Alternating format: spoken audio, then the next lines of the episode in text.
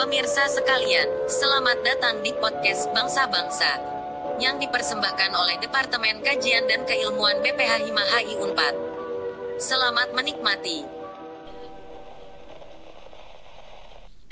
Hey what's up guys, welcome back dengan PBB. We're Angie in the house sama siapa? Halo, ada Raffianda di sini. And today we're going to talk about after Biden is being elected. Woo, Biden is finally in the White House, guys. Ternyata Trump tidak jadi dua periode ya, Vi. Alhamdulillah, wasyukurillah. Ternyata yang menang Biden, bukan Trump lagi. Malah aku udah penasaran nih, semisalnya dunia menghadapi Trump dua periode, jadinya kayak gimana ya? Jangan-jangan nanti bukan coronavirus lagi, tapi ada virus zombie. Oh virus zombie bener banget. Tapi kayak kalau dari pendekatan HI itu zombie udah nggak asing lagi ya buat teman-teman yang mungkin kepo gimana HI bakal ngadepin sebuah zombie outbreak. Boleh banget untuk dicek di episode PBB sebelumnya. International Relations in Zombies uh, di mana kalau dari pendekatan HI sih we're already prepared for ya ini kayaknya outbreak. kita promosi uh, konten-konten lama ya. Sebagai kita move on juga nih. banget Episode berdua udah promosi ya. iya. Wah, ini suaranya sudah eh, datang nih, padahal belum dikenal Iya, ini. kok ada suara-suara asing suara-suara ya, ini siapa sih? Boleh kita kenalin dulu nggak sih sama siapa kita ngobrol sekarang? Ayo. Jadi kita sekarang uh, bareng sama Kak John Siaan. Wih, selamat datang Kak John. Halo. Kak, Kak John Siaan ini saudaraan sama foundernya Asumsi juga ya? Atau beda nih? Pengen, pengen Waduh, siapa tuh? Aku lupa itu siapa pokoknya marganya sama marganya sama kayaknya iya Oke, jadi um, ngomongin soal kajon uh, dan international relation, tadi Raffi juga sempat kepo uh, gimana kalau Trump sampai dua periode ya. Aku juga sempat dengar dari kajon sebenarnya ada Trump 2.0 yang udah mau diusul sama Republicans. Tapi gimana ceritanya nanti aja kita bahas di uh, segmen selanjutnya. Tapi Vi ngomong-ngomong, emang kita bakal bahas apa aja sih hari ini di PBB sekarang? Oke, hari ini kita bakal ngebahas soal kebijakan-kebijakan domestik yang udah dilaksanain oleh Donald Trump tapi kayaknya kita bakal lebih banyak ngomongin soal ini deh kemenangan si Biden sendiri dan reaksi dari Trump. Karena kalau aku Bener perhatiin banget. tuh Trump kayaknya nggak ada fifth stage of grief gitu ya. Kayaknya langsung aja semuanya marah-marah. Nggak ada, nggak ada, iya nggak ada setos kayak gitu-gitu. Kayaknya kurang dia. Bener banget, sampai-sampai Twitter postnya uh, harus ada verifikasi dulu ya. This tweet is not verified, etc. etc. Iya gitu lah. Pokoknya ternyata reaksi Trump ini enak untuk dibahas. Abis itu kita mau bahas apa lagi nih, Vi? Hmm, kayaknya kita bakal bahas foreign policy ya soal Trump, tapi itu nanti di part kedua. Kali ini kita hmm. bakal lebih fokus bahas domestic policy aja. Baik, uh, kita start aja nih, Ci, ngomongin domestik-domestik ini. Dan Kak Jonnya kayaknya sudah menunggu-nunggu juga nih untuk mengobrol. Oke. Okay. Sip, ready banget kalau gitu. Kalau gitu sampai ketemu di segmen 2, teman-teman. Oke. Okay. Mulai dari domestic policy ini nih. Uh, Kak Jon, apa kabar? Kayaknya kita belum nanyain kabar Kak Jon nih. Baik. Alhamdulillah Kak Jon. Bagaimana ini uh, perkuliahan dan kemarin juga sudah sur ya Kak? Iya, sudah. Yes, selamat untuk Kajon. Sudah sur. Kalau sur tuh jadi apa kak? S U R tuh apa tuh? Uh, itu setelah riset sih. Jadi kayak kelas sidang gitu kayaknya semacam itu kayak bab satu sampai tiga. Terus. Oke. Okay. Ya begitu. Gila. Eh, urusan angkatan tua lah ya kita ya, muda Kita doain sih Kak Jon tuh kalau lulus langsung dapet S3 ya. Aduh. Amin. Gak tahu gimana aminin aja. Sarjana juga belum. Oke oke. Oke. Kita start dulu nih. Uh, akhir-akhir ini kita sering banget ngedenger berita nih apalagi tadi tuh udah Angie mention kalau Donald Trump tuh menghadapi kekalahannya dengan tidak elegan justru ada apa ya kesan bitter gitu dengan Biden menang dan gak mau ngaku-ngaku nah ini kan kita dari Kak John nih atau Vivi, uh, gimana nih marah-marahnya? Uh, ada apa ada asumsi bahwa ada kecurangan the ballot iya, is being rigged gitu kan. Gila. Sampai-sampai uh, apa sih uh, ada fitur Twitter baru yang kayak this news is not verified dan kayak harus ada verified etc etc tapi kayak kalau menurut Kajun gimana sih kayak gini tuh kalau dari pandangan Kajun ini sih uh, kalau aku tuh kan man mantengin juga ya uh, soal soal ini tuh Pak Trump kayak dia meltdown di Twitter Terus uh, mungkin kalau dari outside dari luar yeah. kita lihat kelihatannya tuh semacam kayak ah ini orang kok nggak jelas sih gitu kan. Narsisis banget sih dia nggak mau kalah gitu kan. Kayak childish banget. Tapi kayak ada yang bilang kalau ini tuh bagian dari namanya Trumpism ya. Kayak Trumpisme gitu loh. Jadi kayak ya uh, Trump ini kan dia terkenal apa ya sangat berkaitan erat ya dengan teori konspirasi ya. Jadi dia tuh berusaha kayak signaling ke pendukung dia gitu loh kalau apa kita dicurangi dan segala macam. Jadi nanti antara dia masih bisa comeback di 2024 dengan alasan kayak dia dicurangi apa gimana atau kayak seseorang yang mirip dengan Trump dan mempunyai ideologi seperti Trump gitu kan pandangannya kayak Trump nah itu dia bisa maju di 2024 gitu loh. Kayak pokoknya nih istilahnya dengan dia kayak gini tuh Trumpisme nggak mati sih gitu istilahnya karena kalau dia dia langsung conceding gitu ya itu uh, bisa kayak mengurangi kemungkinan Trumpisme untuk masih hidup gitu kayak sekarang ini gitu hmm. oh iya kak tadi kan kakak udah mention tuh berapa kali Trumpism Trumpism itu sebenarnya hmm. Trumpism itu sendiri tuh apa sih kak kayak apakah seperti Leninism, seperti Marxism atau apa kak ini? Aku baru mendengar juga nih kak. Iya, aku juga baru dengar nih kak. Kira-kira apa nih Trumpisme?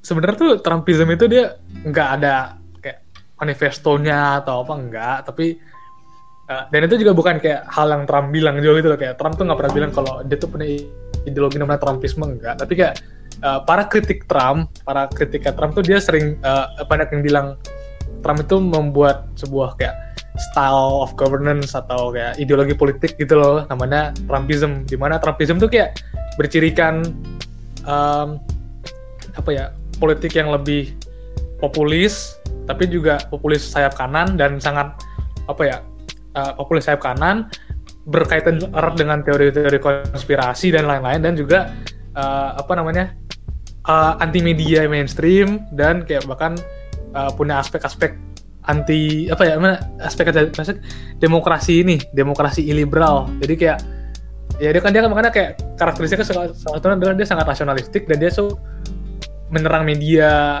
mainstream dan lain-lain gitu kayak pokoknya ini. Dan juga oh syarat juga dengan rasisme uh, minimal rasisme yang agak ringan tapi ada juga rasisme yang berat.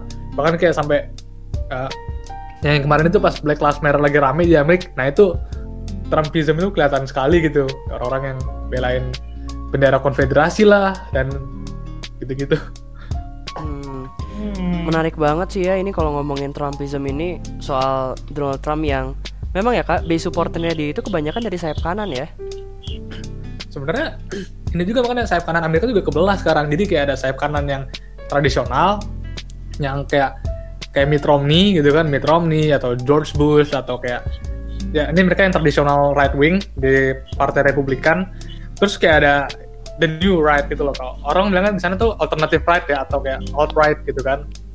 Nah ini tuh basis dukungan itu sini emang biasanya uh, apa working class kulit putih yang merasa mereka mulai tergeser posisinya di Amerika karena imigran atau kayak apa orang dari minoritas gitu loh. Jadi mereka ada kekhawatiran kalau kulit putih itu nggak akan lagi jadi mayoritas di Amerika.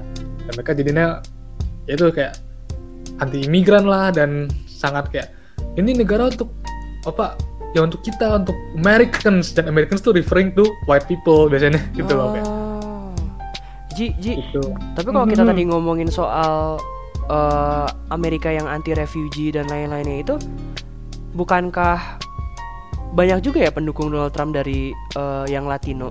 Lu dengarnya gimana tuh, Ji? Nah, itu dia yang sebenarnya mau aku bahas. Jadi uh, aku sempat dengar juga kan ya Amerika is diverse right dan beberapa bagian dari Trumpisme ini justru menutup uh, diversitasnya gitu loh karena kita lebih mengutamain white supremacy dan juga identik juga dengan uh, supporter Trump yang ke arahnya sana gitu lah ya.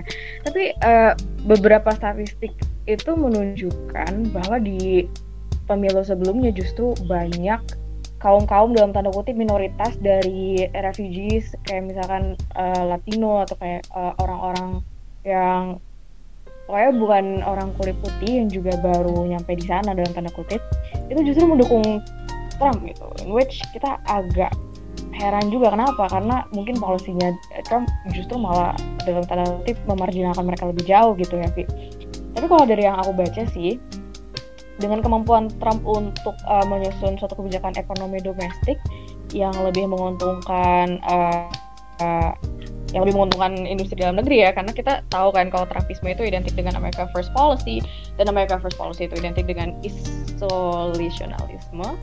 Uh, ternyata orang-orang yang orang-orang seperti ini tuh diuntungkan dengan tidak adanya pekerja-pekerja asing gitu karena mereka bisa uh, bekerja dengan lebih baik di industri dalam negeri uh, dan kayak tidak harus dipusingkan lagi dengan uh, bagaimana perusahaan mereka tuh bakal terancam oleh kebijakan luar negeri yang lain gitu. Jadi dengan uh, kebijakan ekonomi Trump yang lebih domestik justru sebenarnya bikin orang-orang ini vote dia gitu, which is I think is interesting gitu, Pi. Hmm. Tapi tadi yang Latin community itu gimana tuh Ji kira-kira? Aku sebenarnya gak begitu spesifik on the Latin community, tapi kayak on the kinds of marginalized kind of community, dari aku ngelihatnya seperti itu. They most likely pick Trump because of his economic policies yang lebih menguntungkan uh, ekonomi domestiknya dengan isolationalismenya gitu. iya, Agak ribet ya isoli. Iya, iya. Iya, sangat aneh ternyata ya politik seperti ini tuh aku juga kadang-kadang jadi kayak seperti membuka halaman di buku 1984 kayak ada double think gitu ya kak? Double think di mana double talk itu di mana mereka walaupun jadi bagian yang dihina-hina Trump mereka entah kenapa mau mendukung Trump juga. Itu unik ini ini unik sekali. Apakah ini ya. sebuah apa tuh namanya Vi? Gue lupa istilahnya apa. Apa Ji? Apa tuh? Ya udahlah aja. Ya ya itulah itulah. Itulah. Nah ini kan kita udah ngebahas sih tadi berarti kita udah ngomongin juga nih soal supporter-supporter Trump dan kenapa Trump uh, apa ya mungkin kenapa base Trump sendiri itu masih rada kuat juga. Tadi udah ngomongin juga nih tentang ada ideologi politik baru nih dari bawaan Trump tuh yang masuk ke dalam Republikan. Bahkan ngebuat suatu jurang pemisah gitu kan kak antara konservatif yang lama dengan konservatif yang kayak genre musik baru ini. Alt right nih ya. Alt right ini udah kayak alternatif rock juga deh kayaknya. Ya itu sekarang di kalau aku baca itu di Partai Republik sekarang lagi ada ini ada pertarungan juga kan antara yang alt right supporter Trump dengan yang tadi itu kayak traditional Republicans gitu lah kayak Mitt Romney atau yang dulunya juga dukung orang-orang kayak Bush dan bahkan kayak Reagan gitu loh. Kayak kalau di Twitter mungkin kalian follow di Twitter tuh ada contohnya uh, Lincoln apa The Lincoln Project gitu. Lincoln Project tuh mereka uh, sebuah political action committee yang ber apa ya bertujuan untuk menarget orang-orang uh, Republikan yang anti Trump gitu. Dan malah jadinya dukung Biden. Terus kayak slogan yang mereka bawa tuh kayak kita adalah uh, the old the true Republican Party gitu loh kayak the party of Lincoln gitu di mana kayak Trump tuh tidak mencerminkan ideologinya Abraham Lincoln gitu kayak. Bring back Tory gitu ya kak? Ya seperti itulah gitu kayak. Make the Republican Party great again gitu. Iya. seperti zaman zaman Lincoln nih berarti oh kalau kayak gitu berarti ada sifat-sifat populisme ya kak? Berarti dari both side ya? Uh, iya dan enggak sih karena kan kayak uh, tergantung kita ngeliatnya gimana ya populisme itu ya. Karena kadang kalau ngeliat populisme kan sekarang agak blurring gitu ya kayak populisme tuh istilahnya harus pemimpin yang working class atau yang boleh juga pemimpin yang itu apa yang establishment atau working class. Nah sebenarnya kalau bisa ngomongin establishment atau working class, Trump tuh establishment juga kan karena dia orang kaya. Tapi dia kesannya populis itu loh. Tapi uh, kayak kalau dari yang Republikan yang lama, mereka ya istilahnya establishment gitu kan. Tapi kayak sekarang uh, mereka juga bikin narasi-narasi yang anti Trump dan segala macam gitu loh kayak mulai blurring gitu kayak mana yang establishment mana yang uh, populis gitu. Kecuali mungkin kalau di Partai Demokrat ya, kalau Partai Demokrat di bawah sekarang ini apa Biden, Pelosi dan Bernie Sanders tuh kelihatan jelas perbedaannya antara yang mana yang populis atau progresif yang kayak Bernie Sanders, The Squad, Alexandra Ocasio-Cortez dan uh, yang establishment Demokrat gitu ya. Itu ada Biden, Obama dan kayak Pelosi gitu kan. Nah, itu kelihatan ter divide kelihatan di situ gitu. Benar kak, tadinya juga aku mau ngangkat soal itu yang uh, pemisahan antara dalam partai Republikannya sendiri, because we all we know Demokrat juga ternyata lebih memilih pemimpin yang ini ya um, si political spektrumnya lebih agak sentris. Karena uh, dari internal Demokrat sendiri kabarnya nggak ingin uh, memilih orang-orang yang stensesnya lebih sosialis, agak sosialis seperti Bernie Sanders, makanya dia waktu itu gagal untuk maju ya karena dari Demokrasi sendiri maju gitu loh kan. Tapi ngomongin soal kemungkinan adanya calon-calon baru yang mungkin deciding dari partai-partai ini, uh, aku dengar-dengar juga ada Trump 2.0 gitu nggak sih kak dari Republicans dengan adanya pemisahan ini? Um, mungkin Kak John familiar dengan Cotton gitu atau gimana tuh Kak John ceritanya? Iya, jadi uh, aku tuh baca, jadi kayak uh, di mana nih ya? Bentar aku lagi lihat uh, artikel.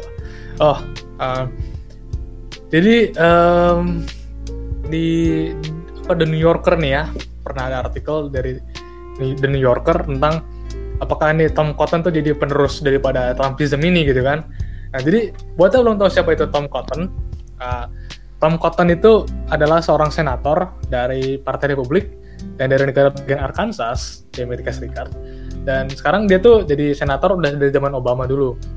Nah, um, views apa pandangan-pandangannya si Tom Cotton ini sangat kanan, kayak kanan banget gitu loh, di mana kayak dia uh, dia nggak percaya kalau ada systemic racism, dia Uh, dia anti aborsi gitu kan. Waduh. Iya. Ini yang hot-hotnya itu ya kak? Ya anti aborsi dan dia pernah uh, dia pernah menolak nominasi, eh, kayak mengundur-undur gitu ya, mengulur-ulur nominasi uh, Cassandra Butts. Ada seorang koleganya Obama dulu buat jadi duta besar Amerika ke Bahamas sampai si Cassandra Butts itu meninggal gitu loh. Dan kayak tujuannya itu kayak cuma untuk inflict pain, inflict a special pain on the president gitu kayak. Wow. ya. Personal cukup gitu ini. Ya, cukup cukup kanan ya. Hmm cukup kanan betul sekali. Kalau kalau kita lihat definisi kanan tuh langsung muka dia kayaknya. kanan banget tempatan gitu ya. Iya, ya, Ji. Itu mungkin Ji kalau uh, di kitab-kitab suci itu kan ada istilah apa ada penjelasan soal kalau uh, malaikat tuh kaki kirinya di kiri dan kaki kanannya di kanan ya, Ji. Mungkin maksud kirinya tuh kirinya ke kiri memang, tapi kalau kanannya tuh di wajah Tom Cotton itu sendiri kayaknya. right is Tom Cotton. Tom Cotton itu juga dia juga di, dianggap sebagai rising star di Partai Republik karena dia beda sama Trump juga gitu ya. Istilahnya Tom Cotton ini dia bisa diterima sama di elit gitu ya, kayak para elitnya Republikan dan oleh kaum populisnya. Nah ini menarik nih, kayak Tom Cotton itu dia misalkan ya ini kata Steve Bannon eh, yang punya Breitbart ya media sayap kanan di Amerika banget tuh.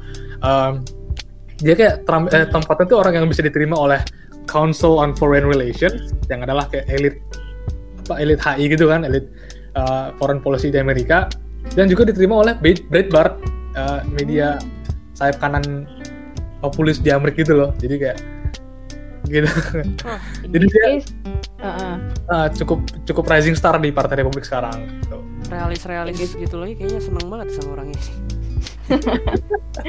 Tapi in this case kalau nyambungin sama perbincangan yang tadi ya berarti dia itu populer di antara dua pihak dari Republikannya sendiri dan berarti bisa dibilang dia lebih capable gitu ya kak untuk menarik perhatian orang-orang gitu. Iya makanya ini dianggap dia bahaya karena dia macam kayak Trump yang kompeten. Nah ini ini ditakutin sekarang kan beruntung lah kemarin kayak Trump tuh nggak kompeten jadi dia bisa dikalahkan kan. nah sekarang dia ada Trump yang kemungkinan kompeten dan dia mungkin bisa lebih apa ya serangan-serangan dia terhadap demokrasi liberal di Amerika tuh mungkin bisa lebih apa berhasil lah gitu ya kalau dia maju gitu itu yang ditakutin ditakut, apa ditakutin sekarang gitu oke okay. Trump Iya. Jujur aku juga penasaran sih nih Ji Kalau kita ngomongin soal Ini kan udah mulai kelihatan nih ada perpecahan gitu di Republikan uh, Kira-kira ini kak Kalau dari yang kakak lihat sendiri apakah Republikan bakal ngikutin course yang udah di set sama Trump di mana mereka bakal nekenin ke soal uh, right wing ini terus tuh kak? Karena kayaknya base supporter mereka udah di situ aja.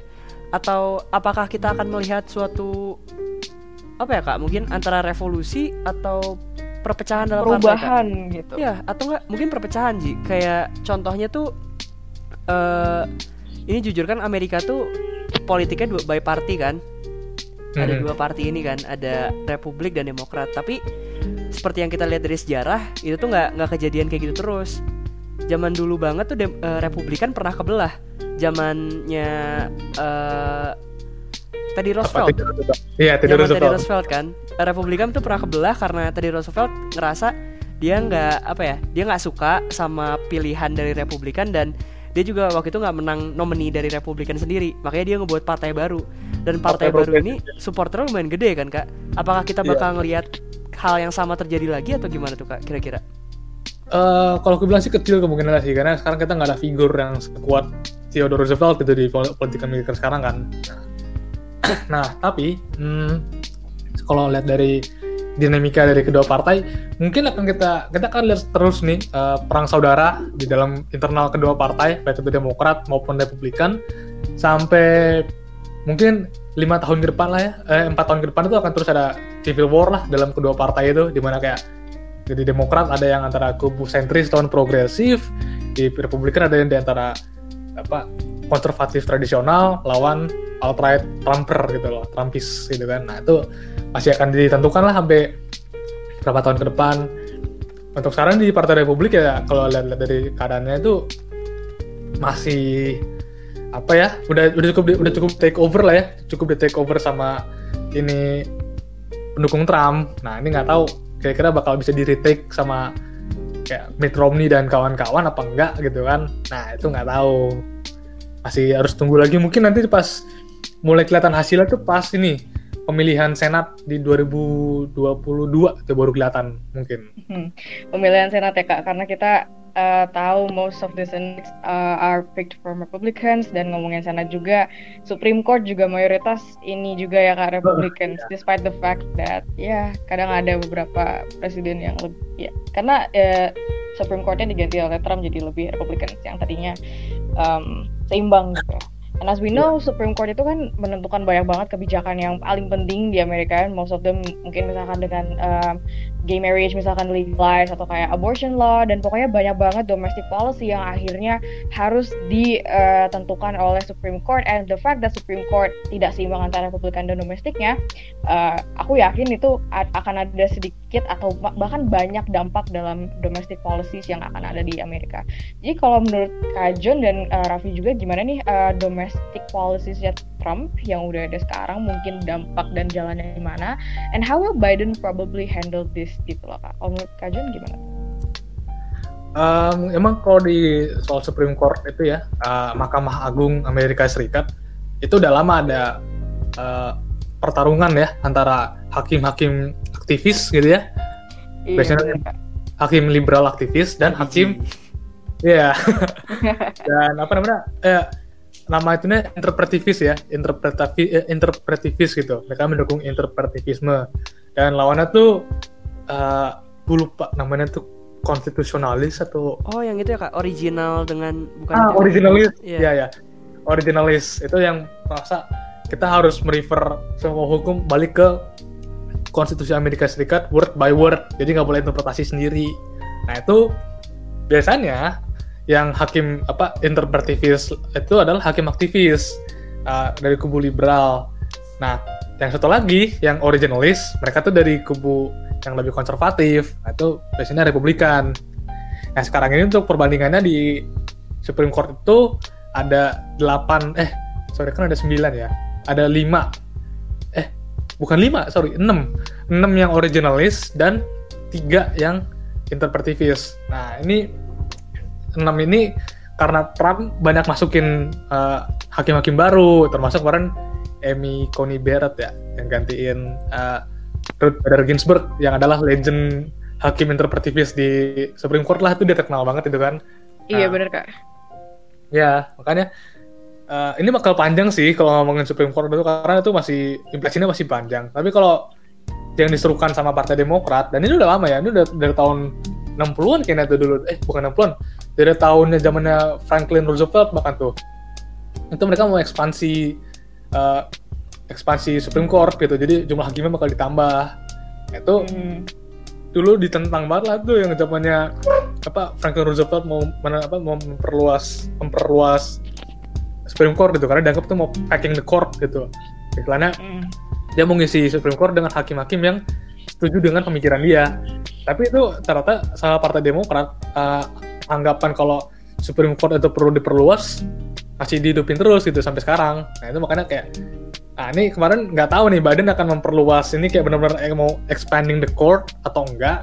Dan kalaupun dia mau expanding the court, dia kena banget di Senat sih karena Senat kan harusnya juga menyetujui perluasan Supreme Court ini kan tapi kan sekarang mayoritas Iya. Republikan gitu. Jadi bisa banget kehalang. Nah itu Oke, despite the talk on the Supreme Court itself, kayaknya kita bakal lebih fokus ke implikasi domestic policies-nya aja sih kak. Gimana sih ceritanya domestic policies Trump yang udah ada sekarang itu mungkin bakal berdampak ke pemerintahannya Biden, like probably how Biden will handle it atau kayak apa aja yang dalam tanda kutip harus diberesin gitu loh sama Biden. Iya tuh kak, terlebih soal kebijakan-kebijakan kayak uh, social welfare dan mungkin tadi kan udah dibahas tuh kalau hukum. Nah mungkin kita kayaknya dua aja nih karena sempit juga nih waktunya. Eh, Kira-kira kalau untuk yang kebijakan domestik kayak yang social welfare tadi dan kebijakan domestik yang soal eh oh ya itu di funding the policy itu kak, kira-kira apakah dari kubu liberal ini bakal nurutin kemauan rakyat nih kayak beberapa nggak rakyat juga sih tapi mungkin kayak yang left kan sama sentris tuh banyak yang minta di funding the police tuh banyak yang setuju gitu malah kayak ngikutin itu banget atau justru bakal ini kan kita juga tahu nih Kamala Harris tuh Iya. dapat julukan kalau dia seorang cops kan apalagi karena dia Yes. juga persekutor dari California yang dulu rada kayak nggak apa ya kayak kejam deh gitu ngasih-ngasih eh, hukuman-hukumannya kalau dari pandangan kakak sendiri gimana tuh kak?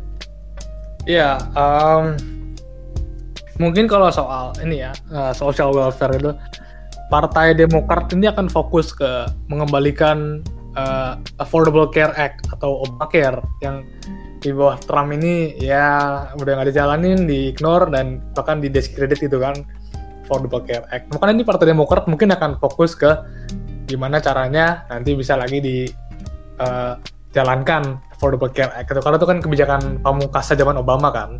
Nah, terus eh, mungkin soal defunding the police, gue nggak yakin sih eh, Biden itu akan mau lakuin itu kayak defunding the police gitu. Karena kayak eh, ya Obama aja nggak setuju dengan slogan kayak defunding the police itu, tapi kayak mungkin eh, kalau yang gue perhatiin sih Obama dan Biden itu ya, Obama dan Biden keduanya tuh mereka ada di kubu reformis. Jadi mereka nggak mau mendefund the police, nggak mau kayak membuarkan abolisi polisi gitu kan, atau kalau itu bilang kubu abolisionis, mereka di kubu reformis. Jadi mereka mau mereformasi polisi gitu.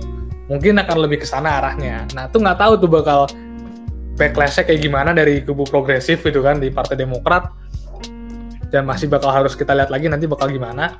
Tapi yang pasti kalau gue ngerasanya uh, mereka nggak akan defunding sampai mengabolisi polisi gitu kayak tuntutan dari kubu progresif di Partai Demokrat. Nah, terus kayak mungkin soal tadi apa lagi sih imigrasi ya Pak?